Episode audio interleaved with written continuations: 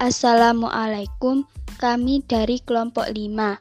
Saya Juliana Fajanurfika, absen 15 dari kelas 12 MIPA 3. Dan saya Dea Ines Samanda Kirana, absen 10 dari kelas 12 MIPA 3, ingin membahas tentang dua materi.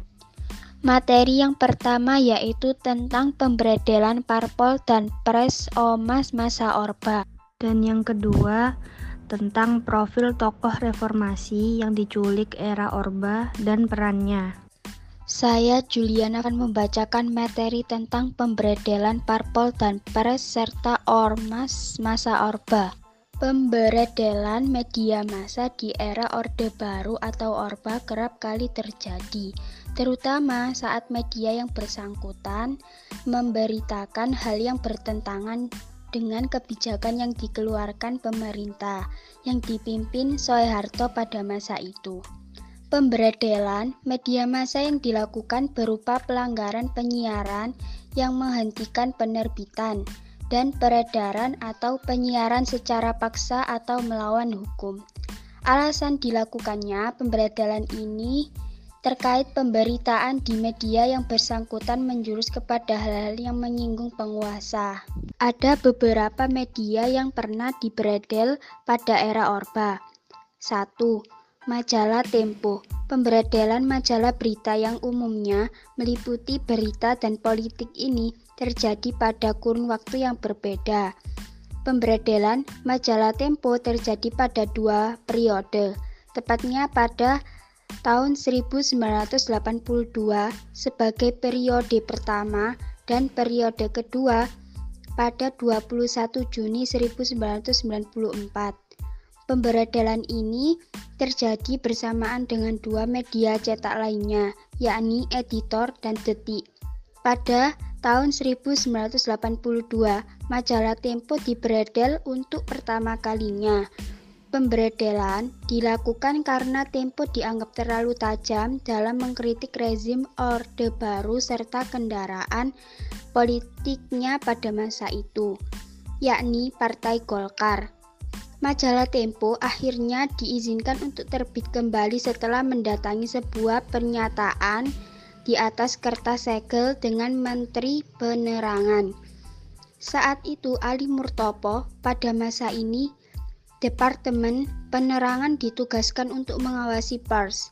Pemberedalan kedua yang dialami oleh majalah Tempo dilakukan perlawanan dengan mengajukan gugatan ke peradilan tata usaha negara. Dari kasus ini banyak jurnalis yang mengancam sikap Departemen Penerangan dan Persatuan Wartawan Indonesia yang mendukung pemberedalan majalah Tempo. Setelah pemberedalan kedua, Tempo sempat berhenti beroperasi selama empat tahun sebelum akhirnya bangkit kembali setelah lengsernya Presiden Soeharto. 2.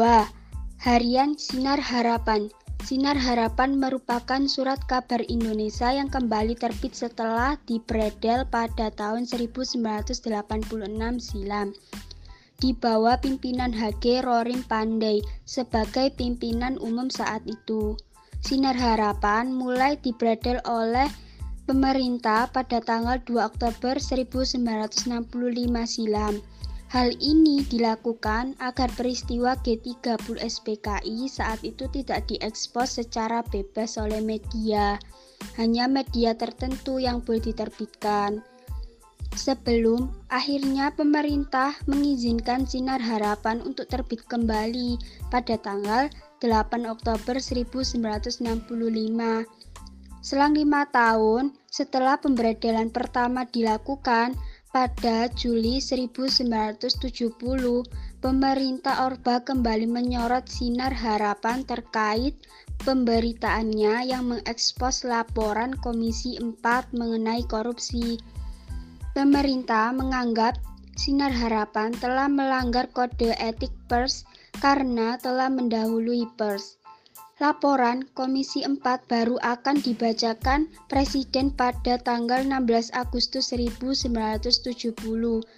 Dalam kasus ini, Dewan Kehormatan PWI saat itu mengaku belum melihat cukup alasan untuk mengatakan telah terjadi pelanggaran kode etik pers oleh Sinar Harapan. 3. Harian Rakyat Harian Rakyat merupakan salah satu media massa Indonesia yang pertama kali terbit pada tanggal 31 Januari 1951. Dalam perjalanannya, surat kabar yang memiliki aliran jurnalisme konfrontasi ini pernah mengalami pemberedelan yang dilakukan oleh pemerintah sebagai surat kabar yang mengambil aliran konfrontasi harian rakyat selalu bertentangan dengan berbagai pihak. Begitu pula kalangan penguasa. Pemberitaan yang dianggap melanggar ketentuan pihak penguasa membuat harian rakyat ditutup. Penutupan pertama dilakukan dengan kisaran waktu 23 jam terhitung pada tanggal 13 September 1957 tepatnya pada pukul 21.00 hingga tanggal 14 September 1957 tepatnya pukul 20.00 bersama media lainnya. Tanggal 2 November 1959, Harian Rakyat kembali diberedel oleh penguasa perang. Alasan pemberedelan kali ini tidak begitu jelas dari pemberedaran ini mencuatnya aksi perluasan peredaran harian rakyat yang dipimpin oleh para petinggi PKI, yaitu DN Aidit dan MH Lukman. Pada 9 Desember 1959, pemberedalan kembali terjadi pada surat kabar ini. Alasan pemberedalan pun kembali tidak dijelaskan sehingga menimbulkan protes dan desakan agar harian rakyat diizinkan kembali dan banyak pihak yang mendesak untuk memberikan izin terbit terhadap surat kabar ini agar dapat terbit kembali pada 23 Desember 1959. Pada 3 Oktober 1965, akhirnya surat kabar ini mengalami akhir perjalanannya setelah terjadinya peristiwa G30 SPKI. Tidak hanya bubar, banyak para aktisi dan partai pendukung surat kabar tersebut yang dipenjara dan dibunuh. Kehidupan politik pada masa Orde Baru A. Penataan stabilitas politik pembubaran PKI dan organisasi masanya. Pembubaran PKI dan organisasi masanya dimulai sejak Legend Soeharto mendapat mandat surat perintah 11 Maret. Melalui legitimasi tersebut, ia mengambil beberapa tindakan untuk menjamin keamanan dan stabilitas pemerintahan. Pada tanggal 12 Maret 1966, keluar surat keputusan yang berisi pembubaran dan larangan bagi PKI serta ormas-ormas yang bernaung dan berlindung atau senada dengannya untuk beraktivitas di wilayah Indonesia. Pada tanggal 18 Maret 1966, Legend Soeharto mengamankan 15 menteri yang dinilai terlibat dalam G30 SPKI. Setelah itu ia memperbarui kabinet Dwikora yang disempurnakan dan membersihkan lembaga legislatif termasuk MTRS dan DPRGR. B. Penyederhanaan partai politik Penyederhanaan partai pada tahun 1973 merupakan kebijakan Presiden Soeharto untuk menciptakan stabilitas politik kehidupan berbangsa dan bernegara. Kebijakan ini dianggap menjadi syarat utama dalam mencapai pembangunan ekonomi Indonesia. Menurut pemerintahan Orde Baru, tidak stabilnya politik yang terjadi pada masa sebelumnya atau Orde Lama disebabkan oleh sistem kepartaian. Partai politik saat itu sangatlah banyak sehingga menimbulkan banyak ideologi dan sekaligus kepentingan.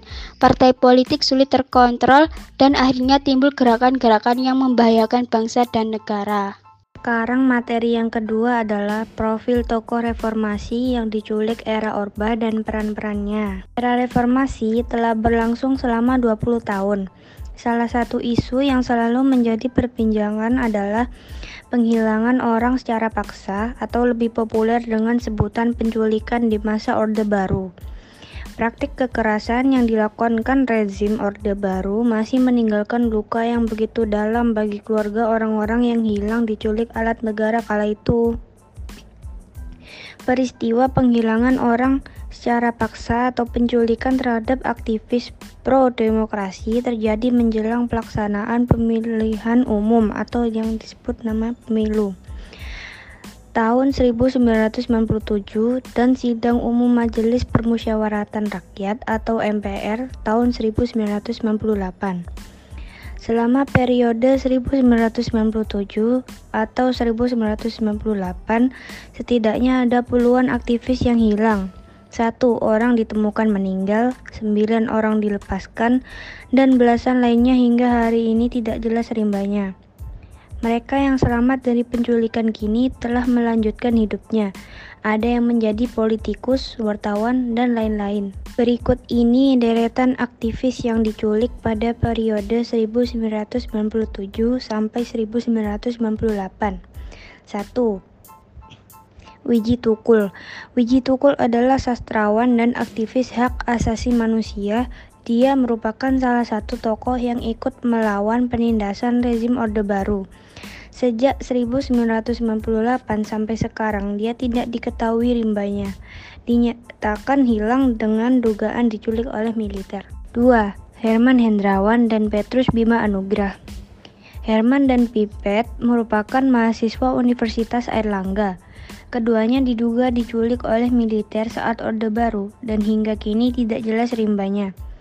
Herman Hendrawan adalah mahasiswa FISIP Unair Surabaya, pria kelahiran Pangkal Pinang 29 Mei 1971. Ini hilang usai konferensi pers Komite Nasional Penyelamat Demokrasi atau KNPD di kantor Yayasan Lembaga Bantuan Hukum Indonesia yaitu YLBHI. Jakarta 12 Maret 1998 dan Petrus Bima Anugrah atau kadang ditulis pula Bima Petrus Anugrah atau akrab disebut Bimpet oleh sesama aktivis. Lahir 24 September 1973 adalah mahasiswa dan aktivis SMID dan kemudian Partai Rakyat Demokratik yang hilang diculik sejak 1 April 1998. 3. Dedi Hamdun dan Noval Al-Katiri Dedi dan Noval merupakan pengusaha dan aktivis PPP. Pada 1997, mereka aktif dalam kampanye Mega Bintang. Keduanya dilaporkan hilang pada 29 Mei 1997. 4. Desmond J. Mahesa dan Pius Lustri Lanang Desmond dan Pius lahir pada 12 Desember 1965 adalah aktivis pro-demokrasi yang menentang kesewenang-wenang rezim Orde Baru. Dan Pius Lustri Lanang lahir 10 Oktober 1968. Keduanya sempat diculik dan akhirnya dilepaskan. Kini keduanya menjadi politikus Partai Gerindra dan anggota DPR. 5. Nezar Patria Nezar Patria lahir pada 5 Oktober 1970 merupakan aktivis solidaritas mahasiswa Indonesia untuk demokrasi atau SMID. Juga seorang wartawan, aktivis, dan juga penyair yang merupakan salah satu dari 13 korban penculikan aktivis pada masa Orde Baru. Kini, Nezar berperan sebagai Direktur Kelembagaan PT Pos Indonesia. Peran masing-masing tokoh reformasi yang diculik era Orba 1. Wiji Tukul terkenal akan puisinya yang sering digunakan oleh para aktivis saat demonstrasi. Beberapa puisinya yang di, yang populer adalah peringatan, sajak suara, bunga, tembok, dan derita sudah naik seleher. Puisi-puisi ini berisi kata-kata yang melawan pemerintah jika dilihat dari kacamata rezim Orde Baru. Karyanya ini ternyata banyak ditentang oleh beberapa seniman zaman Orde Baru. Saat itu memang tidak banyak seniman yang berani berseberangan dengan pemerintah, namun puisi-puisinya ternyata berhasil memperoleh World Time Encourage Award di Belanda. 2. Bima Petra Anugrah Dalam program pemberontakan inilah Bimpet diangkat menjadi penanggung jawab gugus tugas kurir atau kurir nasional. Tugas kurir di sini adalah sebagai alur komunikasi antara komando wilayah dengan komando nasional. Dibentuknya alur komunikasi seperti ini adalah untuk memperketat keamanan. Di sini tugas Bimpet adalah mendistribusikan keputusan dan perintah dari struktur komando nasional ke masing-masing komando wilayah. Tugas baru inilah yang menyebabkan Bimpet harus menanggalkan statusnya sebagai mahasiswa UNER dan pindah ke Sekolah Tinggi Filsafat Wikarya Jakarta. 3. Herman Hendrawan Sebagai aktivis Partai Rakyat Demokratik atau PRD, Herman dikenal berani menantang rezim Soeharto demi memperjuangkan keadilan lewat cita-cita sosialisme di negerinya. Herman memutuskan memilih jalur pergerakan dan meninggalkan bangku kuliah. Di jalan terjal yang dipilihnya itu, Herman akhirnya dihilangkan dan belum atau mungkin tak akan kembali. 4. Dedi Hamdun dan Novel Al-Katiri merupakan aktivis PPP yang aktif dalam aksi-aksi Mega Bintang Rakyat menjelang pemilu 1997. Dedi Hamdun dilaporkan hilang sejak 29 Mei 1997 bersama dengan Noval Al-Katiri, yaitu pengusaha, dan Ismail, supir Noval Al-Katiri. Diduga peran mereka adalah aktivis aktivitasnya mendukung kampanye PPP dalam pemilu 1997. 5. Desmond J. Mahesa Perannya sebagai salah satu aktivis dan mahasiswa yang berjuang menegakkan keadilan dan demokrasi di masa pemerintahan Orde Baru yang dipimpin Soeharto. Desmond dan rekan-rekannya dianggap membahayakan karena mengerongrong negara dengan ide dan pemikiran baru yang mampu mengancam kelangsungan penguasa pada saat itu. 6. Pius Lustri Lanang Perannya sebagai salah satu aktivis dan politisi, dia dikenal sebagai aktivis Aliansi Demokrasi Rakyat atau ALDERA yang terjun dalam gerakan reformasi 1998. Keberaniannya menantang Orde Baru membuat ia diincar dan diculik sekelompok orang tak dikenal. Yang terakhir, 7. Nezar Patria. Dia merupakan aktivis solidaritas mahasiswa Indonesia untuk Demokrasi atau SMID, juga seorang wartawan, aktivis, dan penyair. Ia diculik karena nalar kritisnya kepada rezim Orde Baru. Setelah sempat diculik Nezar, akhirnya dibebaskan. Kini Nezar melanjutkan hidupnya sebagai wartawan dan berperan sebagai direktur kelembagaan PT Pos Indonesia. Sekian dari kelompok kami. Wassalamualaikum warahmatullahi wabarakatuh.